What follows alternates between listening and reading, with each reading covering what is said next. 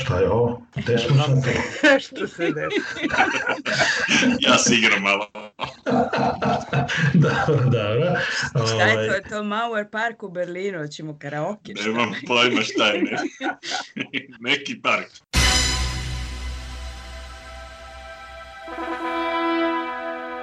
Moramo da napravimo nešto da izgleda go- gore od sajma. Moram da smislim to i da pitam Kineze. I've today left hospital after a week in which the NHS has saved my life. Ne mogu da verujem da narod koji je preživao sankcije, bombardovanje, svakojako maltretiranje će se uplašiti najsmešnijeg virusa u istoriji čovečanstva koji na Facebooku postoji. And now I'm better, and maybe I'm immune. I don't know. Dobro večer. Mene su poslali iz štaba. Ja ću vam pomoći. Aleksandar Kocić. Jelena Viser.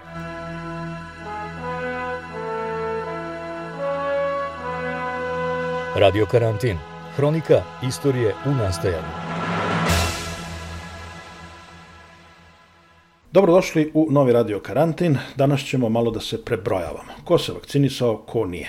I da budemo iskreni i pričamo o tome kako se osjećamo kad vidimo, na primjer, da su se oni oko nas vakcinisali, a mi nismo. Da li smo malo zavisni, vakcinaški ljubomorni, ako to već postoji kao izraz, ako ne, daj da ga mi ovde patentiramo. Da li se gledamo i merimo ko je koju vakcinu primio i koja vakcina me čini glavnim bajom. Ja sam Aleksandar Kocić Maybe I'm just a dirty old man. Oh. I ovu emisiju sa mnom vodi Jelena Fiser, Listen to what she's trying to tell you. She could be the one who's going to save you. Oh, well. a naši gosti su u Beogradu pisac i urednica portala Direktna reč Anja Mijović, u Banja Luci novinar portala Buka Elvir Padalović i u Kelnu urednik online sadržaja na Kozmo radiju Darko Vlahović. Za početak da se prebrojimo. Ko se vakcinisao, ko nije i zašto?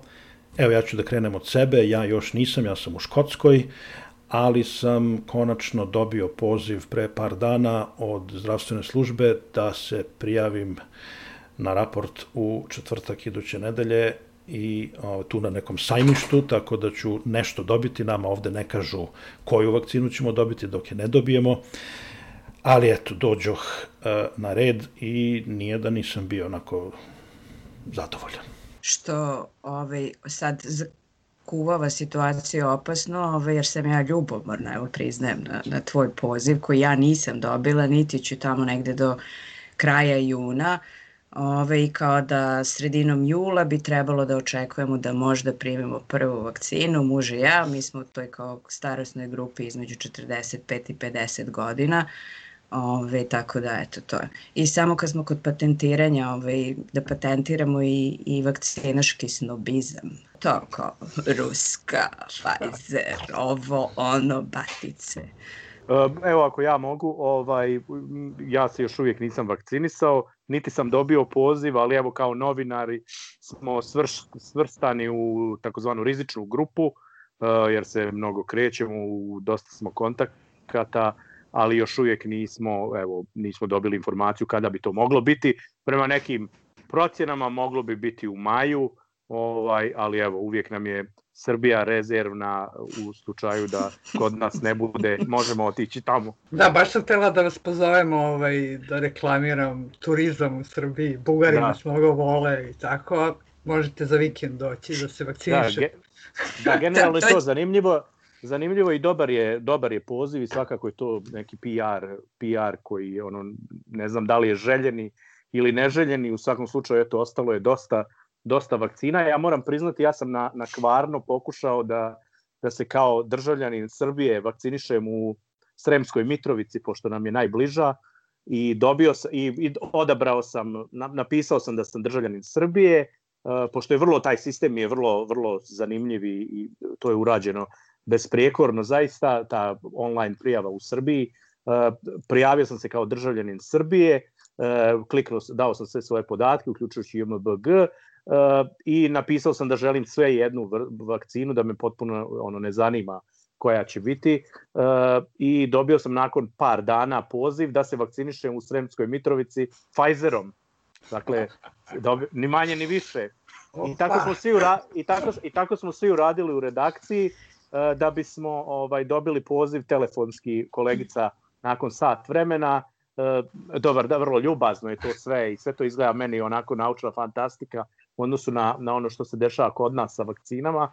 Ovaj, ljubazno, zaista je jednu, eto, dobronamiran savjet da se ne kreće put Srbije, jer građani BiH ne mogu dobiti Pfizer, odnosno ne postoji ta mogućnost ovaj, za vakcinisanje. Zanimljivo je to, ljudi idu, idu samo da se vakcinišu i vraćaju se, s obzirom da je u, u Beogradu i u Srbiji generalno sve zatvoreno, tako da nema mnogo prilike ni da se šopinguje, ni da se piju kafe, ni da se pojede neki roštilj, dakle ide se isključivo uh, zarad zdravlja. Ja mislim da je to negdje i dobro. Ide se stopama Vedrane Rudan, znači? Upravo to, ne samo Vedrane Rudan, uh, mnogi su se vakcinisali, uh, poznati i nepoznati. Mi smo vidjeli i neke političare iz Bosne i Hercegovine da su otišli tamo, i ne, ne znam šta da kažem, dvojaka, dvojake su tu emocije prije svega, drago vam je da ljudi brinu o svom zdravlju, da, da preuzimaju odgovornost nad, nad svojim zdravljem za razliku od države koja nije u stanju jeli, da, da sama pokrije taj E, vratit ćemo, se, vratit ćemo se na to pitanje malo kasnije, jer mislim da je vrlo zanimljivo i to da li je to PR vežba, da li je to zaista altruizam, šta je u pitanju i tako dalje. Samo da se prebrojimo. Prvo, Darko, Pa evo je ovde u Nemačkoj nisam u neke vakcine, mada bi kao trebalo da spadam i u neku i rizičnu grupu i u neku, to kao novinar, u neku grupu koja bi kao trebalo ima prednost, ali nema šansi da to bude negde. Ja, ja ne verujem da će biti do kraja maja, eventualno u junu, prosto nema vakcina. Nema. Znači, kineske i ruske još nisu ovde priznate, ovih ostalih prosto nema dovoljno. I stvari idu dosta sporo, dosta je to nekako čini mi se preorganizovano, pa iz te prevelike organizacije stvari idu još sporije nego što stvari mogli. Anja? Moji su se svi vakcinisali, kolege i porodica, prijatelji, ja sam poslednja, ovaj, već sam izgubila svaku nadu da ću se vakcinisati, pa sam se prijavila opet, znači tri puta sam se prijavljivala na e-upravu dok me konačno nisu pozvali, Ovaj, znači dobila sam 27. februara AstraZeneca i važim za, iako je Pfizer broj 1 kao najjača i ovaj, najsnobovskija, ovaj, AstraZeneca nam je isto visoko rangirano, tako da... Dobro Eto, kotira. Dobro se kotira, da. I bila sam, ovaj, pošto je, ne znam, moj muž prethodno primio, pa je jednu noć proveo u groznici i već smo se bili uplašili šta se dešava, a onda sam bila pripremljena da će to i meni da se desi. Međutim, ništa. I onda sam izjavila kao karakter Pikac iz serije Vratit će se rode ni da me takne matori šta je ovo, međutim posle jedno 24 sata ovaj, je krenulo i kod mene. Ne, ne tako strašno, ali sam bila kao da me pregazio brzi voz. To je ono što kažu u narodu, kaže vakcina se primila. Radio karantin. Sad zaokrenuli, samo apropo te AstraZeneca, sad je vlada okrenula čurak i kažu da preporučuju a, najsrdačnije i najtoplije AstraZeneca i starijim od 65 godina. To mi je bilo fascinantno, jer su ih sad uhvatili baš u mašinu, ove sa tim to znate da smo najgori da. od sve dece još uvek, da je to Holandija poslednja krenula sa vakcinisanjem, sad smo tu na nekih 11%, ja mislim, vakcinisanih, Ove, I od juče, prekjuče, čini mi se, a, Ministarstvo zdravlja evo preporučuje i starijem od 65 a, AstraZeneca, pored ove silne kampanje koje je usporila a, da. bitno usporila ovaj, proces vakcinacije svuda. Kod nas u Britaniji inače vakcinacija ide isključivo po starosnim grupama, osim za zdravstvene radnike i za a, ove rizične grupe.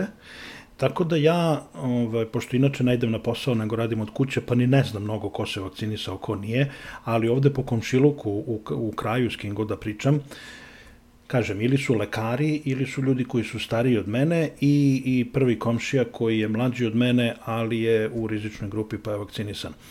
Jel, jel imate vi to, jer ja, ja moram da priznam da s te strane nisam imao, zato što znam da ide po tom strogom redosledu. Jeste imali vi to kad je krenulo, na primjer u Beogradu, Anja, e, da gledaš kao, a bre, pa kad će mene da zovu, vidi zvali Peru Mikulazu, kad ću ja da dođem na red. Jel krene tam neka ono, neću kažem nervoza, ali malo osvrtanje?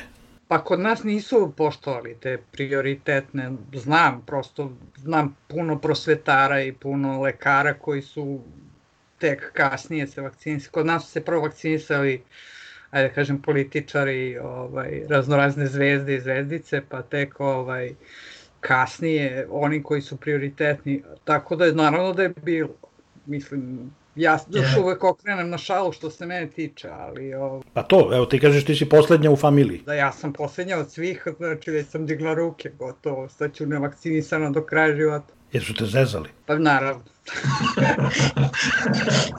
Nevakcinisana, prekobrojna. da, da. da. A sad? A sad, ovaj, pa sad ne znam kako će sad da funkcioniše sve, pošto moj posao, jel, se dešava na promocijama i bez njih ne mogu da funkcionišem, tako da sad uopšte ne znam, evo, znači čekam, sad će da izađe jel, knjiga još malo za koji dan i ne znam uopšte kako, kako će to funkcionisati, vidjet ćemo. Da li će biti samo promocija za vakcinisane, niko drugi ne može da uđe, ili stvarno nemam pojma, je, vidjet ćemo. Jel ste, jel, mi koji svi još uvek čekamo na vakcinu, Jel ima kod, jel ima kod vas, kako ljudi reaguju na to što traje, e, da li gledaju okolinu, susedne zemlje? Pretpostavljam da se između, ne znam, Severne Evrope i Britanije se stalno poredimo zato što evo u Britaniji ide super, ovamo Holandija i Nemačka mnogo lošije.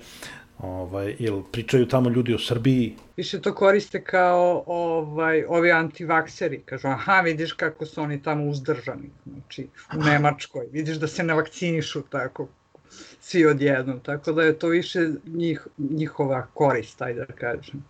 Ove, mi sad ovde trenutno besnimo što su ti punktovi za vakcinaciju prazni, što su se očigledno se vakcinisao ko je želeo, ovaj, ovi ostali nemaju nameru i nemam uopšte predstavu koliko ljudi vakcinisano. Evo, pre neki dan je izašla vest da je uhapšeno dvoje volontera koji su ubacivali u spisak ljude koji nisu vakcinisani.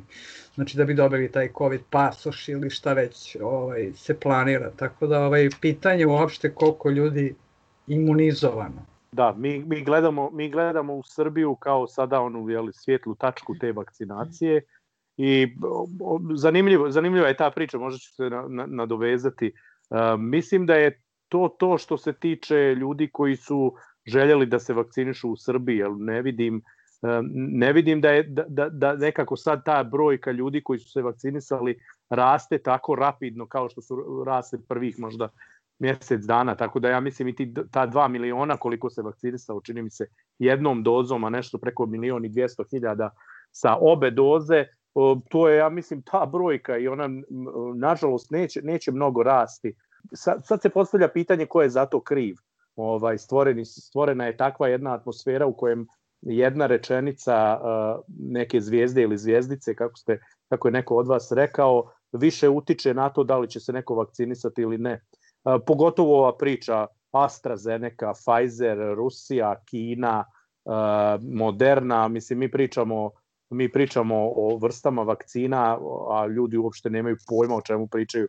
Za vrijeme rata smo pili sokove e, koji su ono mješavina benzina i, i, i, i raznih otrova, pa smo to pili, a sad da, da mi raspoznajemo šta to za Boga radi Pfizer kao jedna ultimativna snobovska vakcina u odnosu na ono šta radi ruska ili, ili kineska. Mislim, mi smo generalno, mislim da je ovdje na snazi 20 godina jedno zaglupljivanje koje je rezultiralo upravo ovim što imamo sada. Dobra strana priče je da u Srbiji ima puno vakcina, dakle tamo se nabavilo, a mi, mi nemamo, nemamo mnogo vakcina, a glupi smo.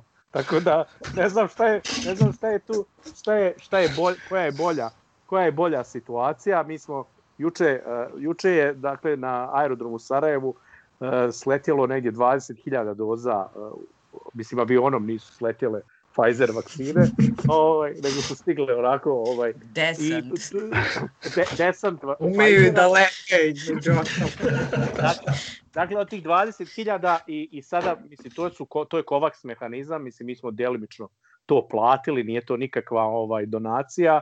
Pritom tu su se na aerodromu pojavila dva ministra, predstavnik Evropske unije u BiH koji su tako stajali sa nekim papirima gdje piše COVAX, a te vakcine su stale u dva u, u, u dva, one, ona kolica koja nose kofere, e to je stalo možda na jedno ili dva, dva dvoja ta kolica. Dakle, onda je došlo AstraZeneca, stiglo je nekih 20.000, ovaj, tako da mi to gledamo sve te sanduke vakcina kao da je stiglo ne znam, zlato ili, ili tako nešto. U stvari, taj antivakserski neki sentiment uopšte nije nešto specifično ni za Srbiju, ni za Bosnu to postoji i ovde na zapadu i to baš onako u velikom broju su ljudi antivakseri, boje se vakcina, ne znaju uopšte kako to radi, kako funkcioniše. Nije ništa izuzetak ni Srbija ni, ni Bosna po tom pitanju i ne treba uopšte na taj način posmatrati to samo kod nas, eto naš narod je glup. Nije svude podjednako glup yes, i ne yes. tu šta.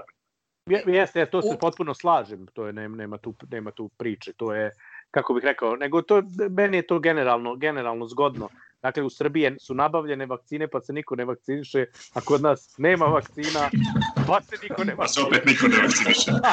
Upravo Darka da pitam, evo, ja ne poznajem nikog u svom ni bližem ni širem okruženju koji do sad prime vakcinu i sad tu ima i gomila zdravstvenih Da. radnika. Majka a, drugara iz razreda radi u, u, a, kao psihijatar u bolnici, dakle svakodnevno prima pacijente, ona je na redu tek tamo negde čini mi se krajem aprila da primi vakcinu.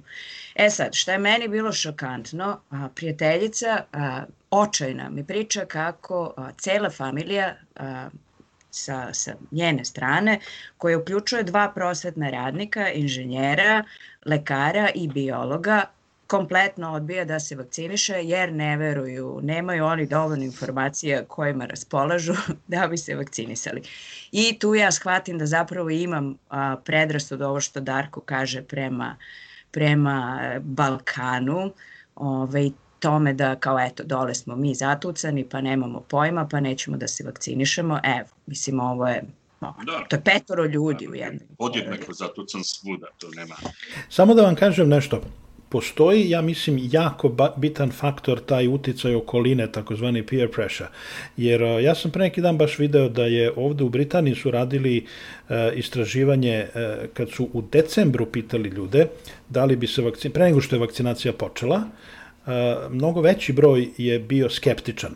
Sad su ih pitali, na kraju feb krajem februara su ih pitali ponovo, da li i dalje se ne biste vakcinisali nakon što je vakcinacija odmakla, nakon što ide kampanja na televiziji, u medijima nacionalne zdravstvene službe.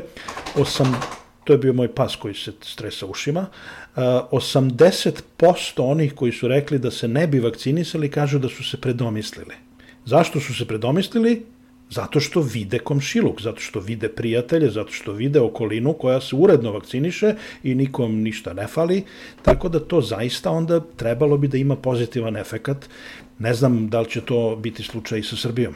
Pa ne znam, evo sad je e, Kesić e, najavio da ne može da snimi emisiju, da ima upal uha i odmah je krenuo, ovaj, vidim, izašli mi po Facebooku, po Twitteru da je, aha, vakcinisao se i evo ga umire. Mislim, tako su krenuli postovi, tako da je ovaj novi rat na pomolu. E, ne znam, uticaj društvenih mreža je snažan, ja to viđam stalno i stalno se protiv toga borim, ovaj, što tekstovima direktne reči, što sama idem i objašnjavam. Ovaj, naravno, to je sve poteklo od Amerike, kod njih je prvo počelo sa tim raznoraznim teoretičarima i onda su ovi naši to sve lepo prigrabili. Tako da ovaj, strašno se na to uh, nadovezuju, a ne razumeju o čemu pričaju. Ja njima krenem da objašnjavam šta je nauka i kako se bazira na naučnim metodama, a oni mene ništa ne razumeju, a ovaj tamo na YouTube-u im lepo objasni da oni sve shvate, tako da ga više njega slušaju. A Darko, kako je kod, kod vas u Nemačkoj, moja prijateljica iz Berlina, koja je lekar u, u ovaj, hitnoj pomoći kad je počela pandemija, ovaj, na Facebooku je nešto stavila, jer kad su krenuli da se bune, ne mogu da izlaze napolje, ne znam ovo, ne znam ono, sad se život prekida. I ono žena stavi na Facebooku kao, mojne da vas vidim ovde u hitnoj, da mi dolazite da ste pali sa skejta, on kao da vam krpi mnoge ruke, čela, sedi kući, ćuti. I tu je bitku bila oko, oko tog vanrednog stanja, sad bije bitku oko, s ovim antivakserima, tipa a, ljudi, jel vi znate da a, antibaby pilula, a, kontraceptivna pilula, ajde, i muška i ženska ima taj efekt zgrušavanja krvi hiljadu puta veći od ono kao sad nekog, ne znam, slučajnog uzorka vakcine i ubi se žena s tim.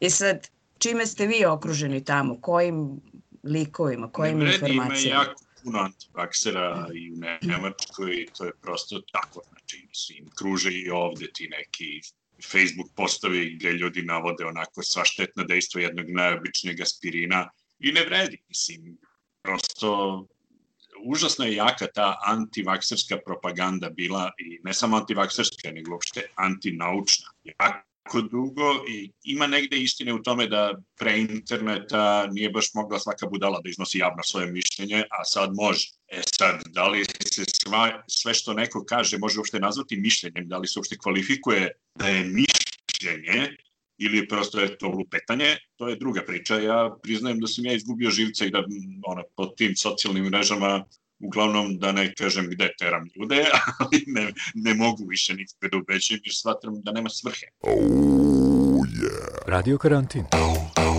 A je li imate utisak, uh, oboje zapadno evropljane, je li imate utisak da gunđaju ljudi ovaj, zbog ove spore vakcinacije. Ovo je u suštini fijasko, totalni u Evropskoj uniji pre svega sa vakcinacijom koji je prilično neshvatljiv.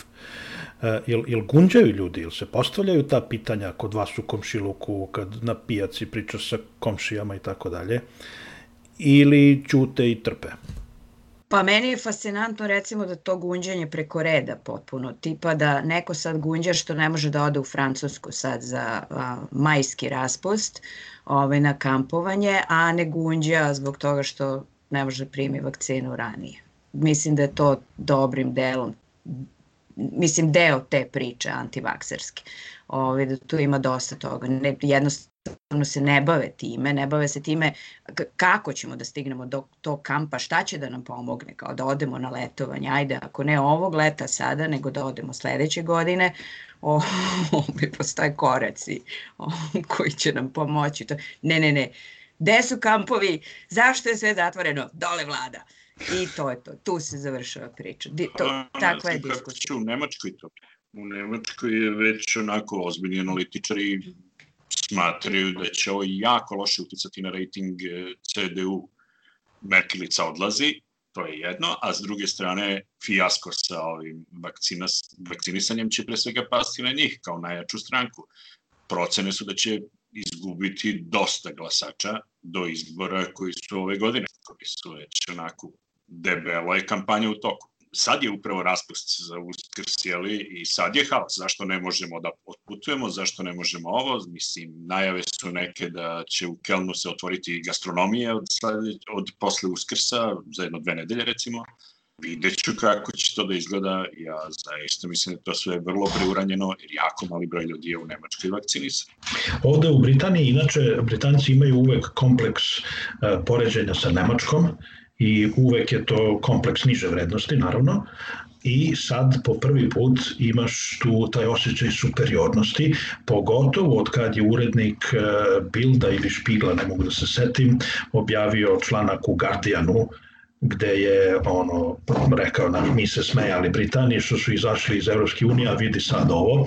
Tako da, kako se zove, sad, sad su svi odjednom puno, svima je skočio, jer kao je, ide nam najbolja vakcinacija na svetu posle Izraela i ono što je po mom mišljenju zabrinjavajuće, to je što je odjednom, kako ide dobra vakcinacija, vrlo brzo je narod zaboravio da smo mi svetski rekorder po broju smrtnih slučajeva i Boris Johnson i njegova vlada su opet u anketama jako popularni. Ta kratka pamet je meni, kratko pamćenje je prilično ovaj, zabrinjavajuće.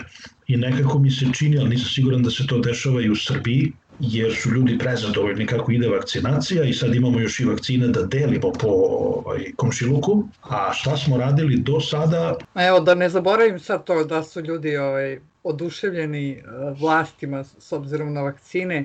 Možda je to još jedna od mogućih ovaj, rešenja zašto se ne vakcinišu.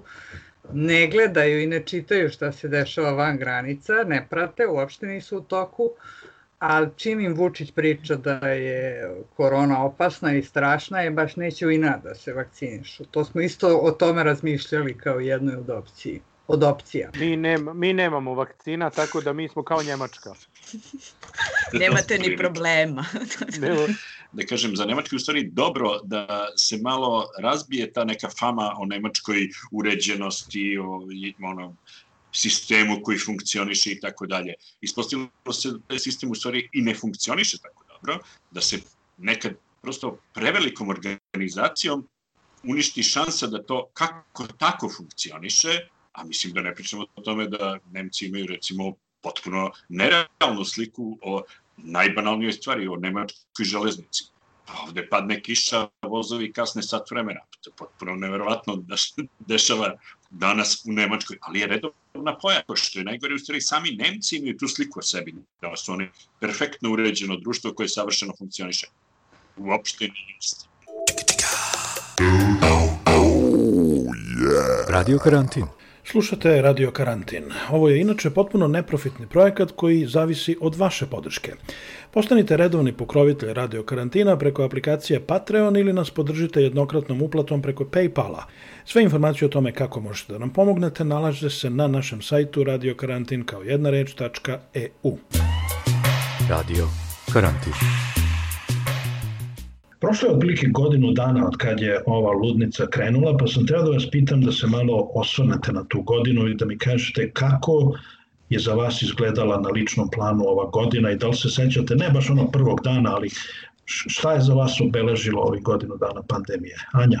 Pa ja sam ovaj, e, nešto razmišljala kada sam padala u depresiju, i ovaj, kad mi je bilo loše, samo na samom početku, u stvari, kad sam tek shvatala, kad kod nas još uvijek se nije znalo, a ja, dao Bog, pratim sve, kad sam shvatala ovaj, šta nas je napalo, jedno nedelju dana sam bila u totalnom downu i razmišljala o raznoraznim opcijama i raznorazni scenariji su mi prošli kroz glavu i posle toga ovaj, sam se spremila, ovaj, stala u gardu i nastavila, ali što se tiče same o karantina, nekretanja, nesocijalizacije i tako, to, to kod mene ne važi jer sam baš u tim momentima radila na televizijskoj seriji koja uskoro treba da izađe, tako da sam bila eh, prvi put u životu konstantno ovaj, sa 50, 50 ljudi na snimanju i ovaj,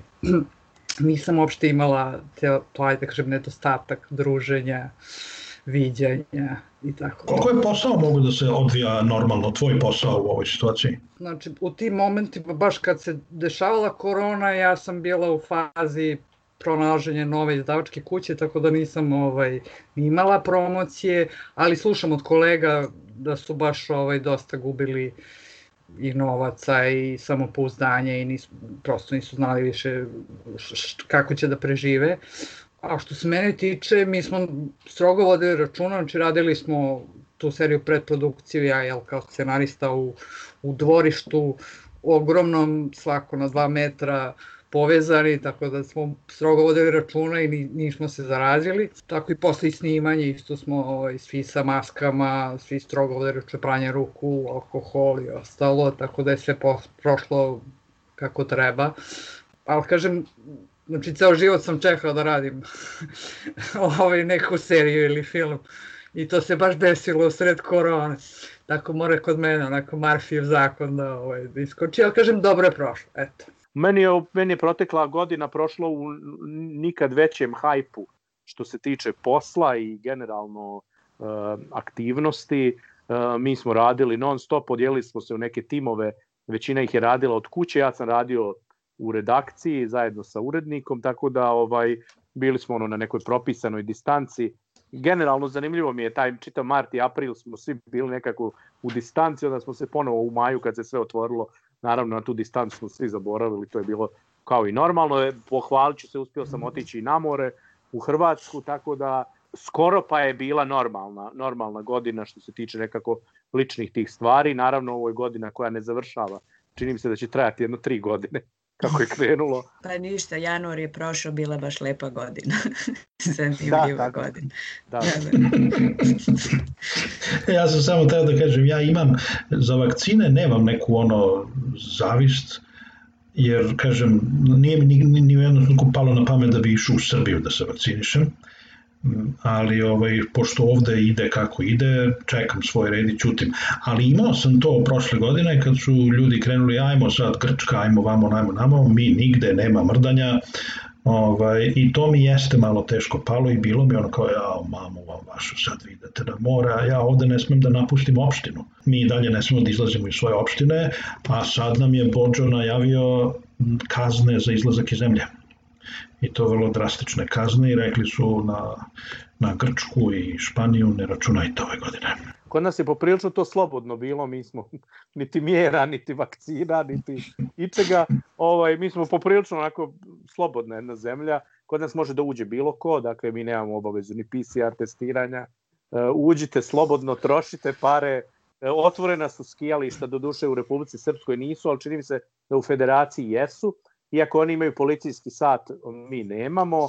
Ovaj, tako da ovde je jedno potpuno, potpuni haos. Mi imamo 12 ministarstava zdravlja ovaj, u čitavoj BiH, dakle ima 10 kantona, ima vlada federacije, ima vlada Republike Srpske, dakle potpuno je ludilo od tih 10 kantona, 9 ima policijski čas, jedan, jedan kanton nema, jer su oni, on su se zaboravili srest, napraviti sjednicu tog dana kada je proglašena na nivou čitave federacije BiH Kod nas su bila u januaru otvorena skijališta, tu ste mogli raditi šta god ste htjeli, e, sve su kafane bile otvorene do 11 sati na veče. E, sad smo e, konačno zatvorili kafane, ovo je već, čini mi se, peti, šesti dan, imali smo proteste ugostitelja koji su ugušeni, odnosno bilo je pokušaj da se uguše žandarmerijom. Dakle, jedno potpuni jedan, jedan, jedan, jedno ludilo, ovaj vakcina naravno nema. Tako da evo, od ponedeljka će moći raditi frizerski saloni koje smo zatvorili u ponedeljak iz ko zna kojeg razloga.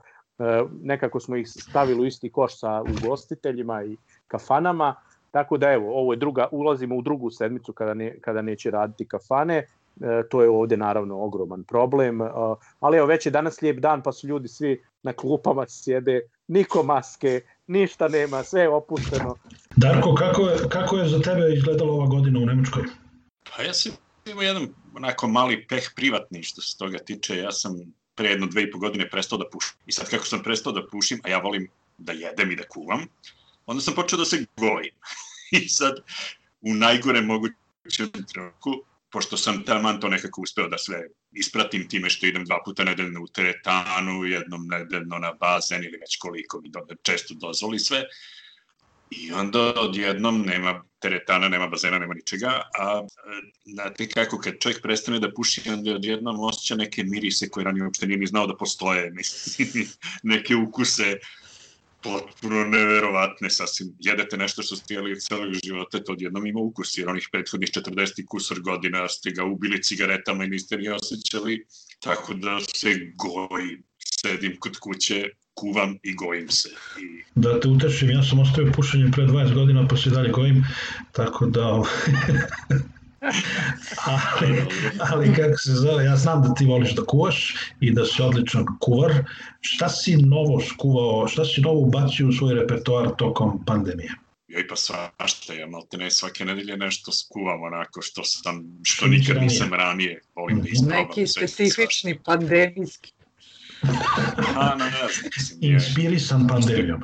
Inspirišem se kuhinjom e, moje žene, moja žena italijanka, pa onako italijanskom kuhinjom se inspirišem, a i dosta se trudim da, da pronađem neke stare recepte srpske, bosanske neke iz, naše, iz naše regije i da napravim tako čomlek recimo ili tako neke užljevik, neka, neka jela koje su praktično zaboravljena, a koje su jako dobra, jako kvalitetna. Nova serija ide, podcast Radio Karantin s Darkom Vlahovićem koji je otkrio nove mirise i ukuse. Kao švedski kuvar. Svake nedelje. da, da, da, da, jer ja sam se isto bacio na kuvanje, moram da priznam, zato što nema šta da se, nema mrdanja, nema nigde se ide, sve je zatvoreno i još moram da priznam, nama je prvih šest meseci, ja mislim, bila frka da naručujemo klopu, da nam ne stignu i virusi sa klopom i ovaj, sad smo se malo oslobodili pa i naručujemo i ništa, tu sam malo naučio neke, ovaj, tašta me naučila neke naše stvari, đuveče i neke supe, a ovamo sam uzeo neke indijske stvari da kuvam, tako da to mi je, to smatram svojim najvećim ono dostignućem tokom ove pandemije i života u, u karantinu. Ne, ja, ja moram priznati, ja sam ovaj, kad je ono bila panika za toaletnim papirom i brašnom, ja sam kupio negdje 10. marta možda 5 kila brašna, mislim da ih, i da, i da ih još uvijek imam tu nepotrošeno, tako da ovaj... Pa evo, ajde ja da se autujem ovaj, i ja sam prestala da pušim. Neću da se družim s vama više. Ali ja sam pre dva meseca, evo dva, bilo dva meseca pre pet dana. Ovaj, tako da se, ja to, ništa nije to zbog pandemije, to nego čiste sujete. Kaže, mene e, neće mudrost iz mnogih, ono, ne volja da izvadi nego sujeta. Ali nisam nešto počela se gojim, pošto, mislim, ruku na srce, mislim da smo mi ovde u Holandiji najbolje prošli od svih vas što se tiče i karantina i tih restrikcija i toga svega. Tako da se ja mogla da se krećem u tim nekim uh, zatvaranjima između zatvaranja bilo dosta i bazena, bilo i odlazaka na godišnji odmor, tako da ne znam, nekako mi je ova godina prošla u m, tako nekom čudnom stanju levitiranje između nekoliko realnosti različitih. Šta vam se posebno lepo desilo ali, tokom ovih 12 ja, meseci? Ja baš htio da kažem nešto tužno. Ajde, ajde.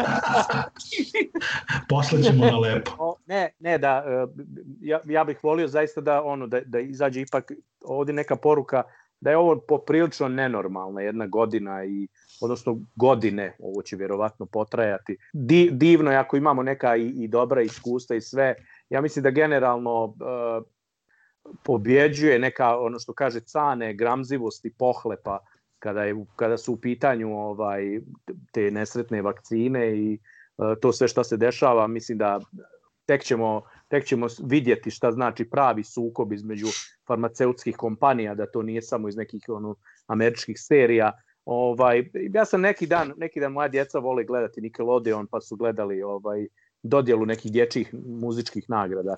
Dodijelili se najboljim glumcima i, i, i filmađima i sve, sve su oni to ovaj, objedinili I onda sam vidio gomilu djece, naravno bez publike, a publika su bila djeca uh, iza ekrana Zuma. Dakle, meni je to bilo strašno. Ovaj, I to mi je bio možda jedan najtužniji moment u, unazad ovih godinu dana, uh, kad sam vidio djecu koja su radosna, a u stvari se kriju iza, iza tih e, svjetlićih ekrana. To mi je bilo zaista, zaista strašno. Bio sam ali doslovce na, na, na rubu suza. Dakle, to mi je bilo nešto, nešto strašno. Mislim da ćemo o, ovo sve što nam se dešava, e, da će nam se kao bumerang vraćati onako poprilično jako, ovaj, jer ne, svako je imao u, u ovoj godini dana i nešto lijepo i ja sam pio dosta.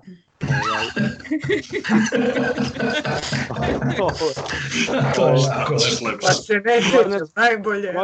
Kod nas je sve bilo otvoreno, tako da mi smo pili kao, ovaj, pogotovo imamo divan balkon redakcijski, pa smo onda sjedili, tišina je bila i pio se dobar viski ovaj, nekad i neko vino preko dana, tako da to mi je bilo super. Ali mislim da naša djeca generalno su najveći gubitnici ovoga, ovoga svega i, i, i ovo sve što mi mislimo da je normalno je zapravo vrlo nenormalno. Ovaj, ovi i Zoom sastanci i ovo sve. Ja naj, najviše volio da mi sad svi dođemo u Edinburg i da snimimo uživo jedan eh, radio karantin. Dakle, hoću da kažem i to što se ne putuje i što su se ljudi sakriva, sakrivamo se iza ovih, odnosno sakriva, vidimo se na, na ovim ekranima i, i to se da je, to je poprilično, poprilično tužno. Ono što je dobro, to sam čitao sam ovaj onaj World Happiness Report koji je izašao nek, prije neki dan, ovaj jedan od tih autora istraživanja ili urednika je rekao kako je zanimljivo, a to je možda jedna pozitivna stvar, da, da se mnogo odgovori ispitanika nisu nisu bili drugačiji od onih koji su davali prethodnih godina. Znači da ne, ipak pandemija nije ugušila potpuno neki e, elan, optimizam, šta god kod ljudi, što je jako dobro. Horor je ovo jedan. Ovaj, na stranu sve, e, lijepo je bilo družiti se i sa suprugom na balkonu, ali brate, dajte nam malo i koncerata i, i fešti. Mislim da su se ljudi, negdje sam ja to i tvitnuo, mislim da su se poželjeli života. Jel mislite da ste prolupali? Pukli totalno. Ne. Mene, mene je mhm. spasio rad, posao.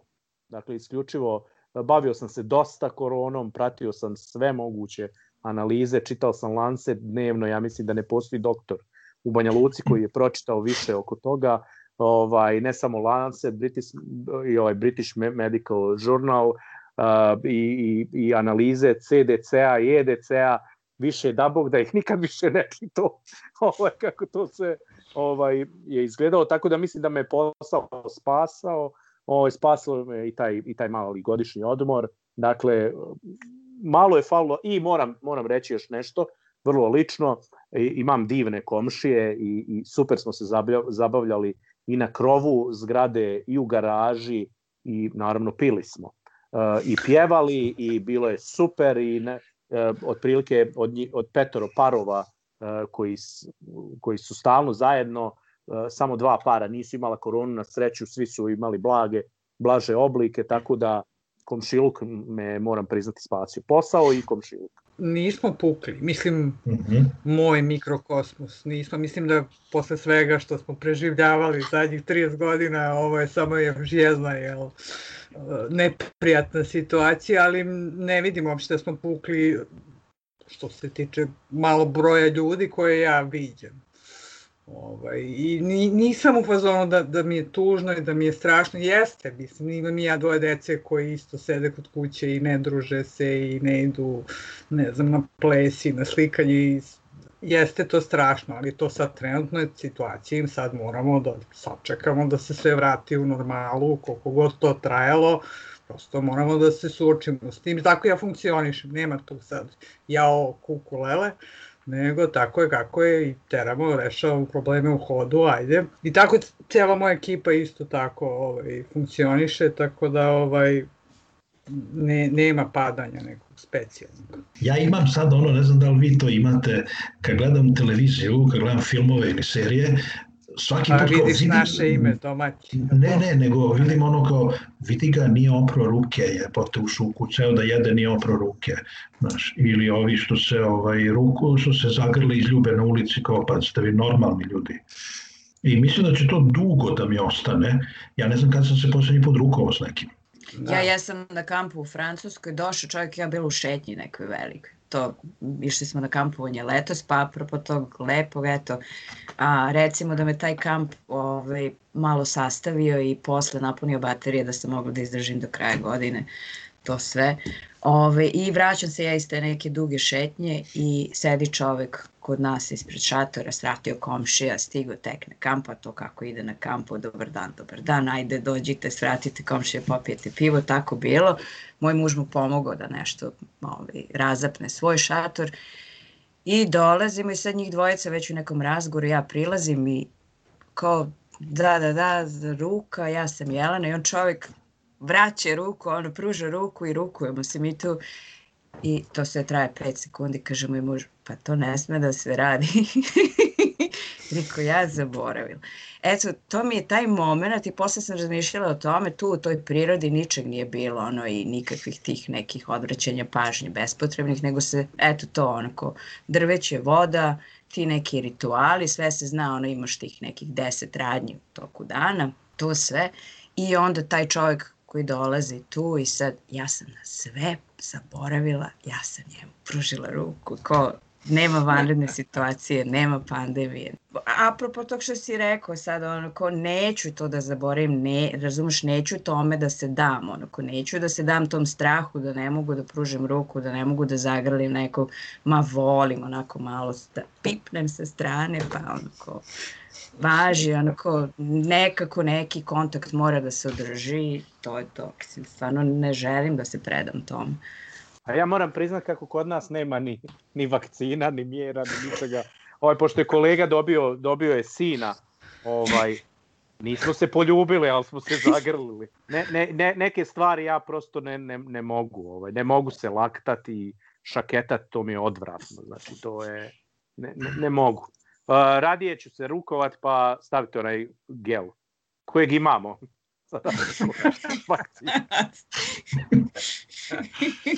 tu je i neka rakija isto može da posluži. Tako je, tako da ne, nekih stvari jednostavno, naravno ovim prvim mjesecima to niko ni, ništa nije bilo pozdrav, pozdravili smo se ko indijanci. Ajde, kaži, kaži nam šta je najlepše što ti se desilo tokom pandemije? Meni je more bilo divno, dakle divno je bilo, ali opet moram priznati kad sam ušao u hotel, hotelsku onu kantinu, ovaj, gdje je bila gomila ljudi, ovaj, e, e, to mi je bila već panika, ja sam ulazio s maskom. Potpisala ugovor sa izdavačkom kućom sledećih pet godina, jedan ozbiljan ovaj, svetski ugovor, što je za Srbiju skoro pa nenormalno. Ovaj, da ću ja samo da pišem, a oni će da radi sve ostalo, što je isto ovaj, skroz neverovatno. Tako da je to recimo, mirna sam sledećih pet godina, moći ću da stvaram još pitanje koje su mi postavili, da li mogu jednu knjigu godišnje da izbacujem, mislim se ljudi sa... Samo mi je trebalo da me pustite ono na miru da ovaj, radim, da ne moram ja da jurcam sve ostalo. Tako da, ovaj... šta, šta je prvo što izbacuješ? Izlaze i otpadnici, slučaj prvi, slučaj drugi, zajedno dva romana, dva u jedan u jednom. Znači, taj prvi roman Otpadnici koji je napravio Bum i koji ovaj, me doveo jeste, u Žižu ovaj, je e, ubačen zajedno sa nastavkom u istu knjigu za izdavačku kuću Čarobna knjiga i evo upravo se štampa, znači dok se ovaj, lepak osuši, očekujemo ovih dana da se pojavi. Bravo, čestitamo. Darko, šta je najlepše što, šta je najlepše što se tebi desilo? Pazi, sve vreme razmišljam o tome šta je to najlepše što se meni desilo.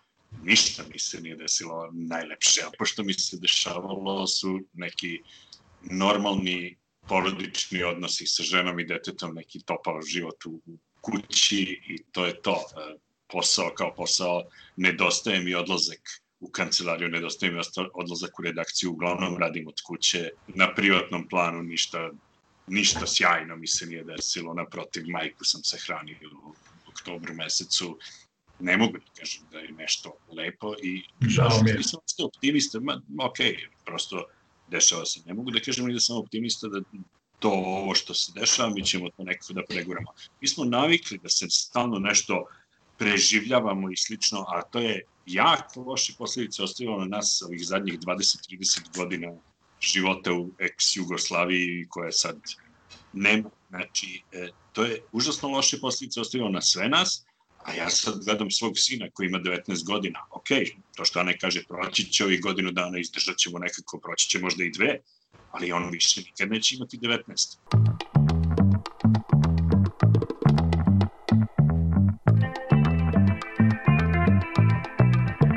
Radio karantin. Ja sam danas kad sam se vraćao s posla, dvije žene sjede na klupi i kaže nama joj ta AstraZene. Mislim, to je... Kao to ne dolazi u obzir. Drolja, drolja. Da, Bio je ovo još jedan radio karantin, sa vama su bili naši gosti Anja Mijović u Beogradu, još uvek jedina vakcinisana među nama, Elvir Padalović u Banja Luci, Darko Vlahović u Kelnu, kao i voditelji Jelena Fiser u Utrehtu i Aleksandar Kocić u Glazgovu. U aprilu Radio Karantin govori između ostalog o položaju žena tokom pandemije i uspehu vakcinacije u Izraelu.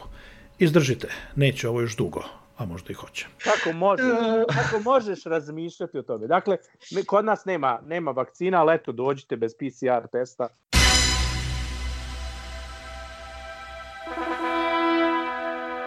Moramo da napravimo nešto da izgleda gu- gore od sajma. Moram da smislim to i da pitam Kineze. I've today left hospital after a week in which the NHS has saved my life. Ne mogu da verujem da narod koji je preživao sankcije, bombardovanje, svakojako maltretiranje se najsmešnijeg virusa u istoriji čovečanstva koji na Facebooku postoji. And now I'm better and maybe I'm immune, I don't know. Dobro večer. Mene su poslali štaba. Ja ću vam pomoći. Aleksandar Kocić. Jelena Viser.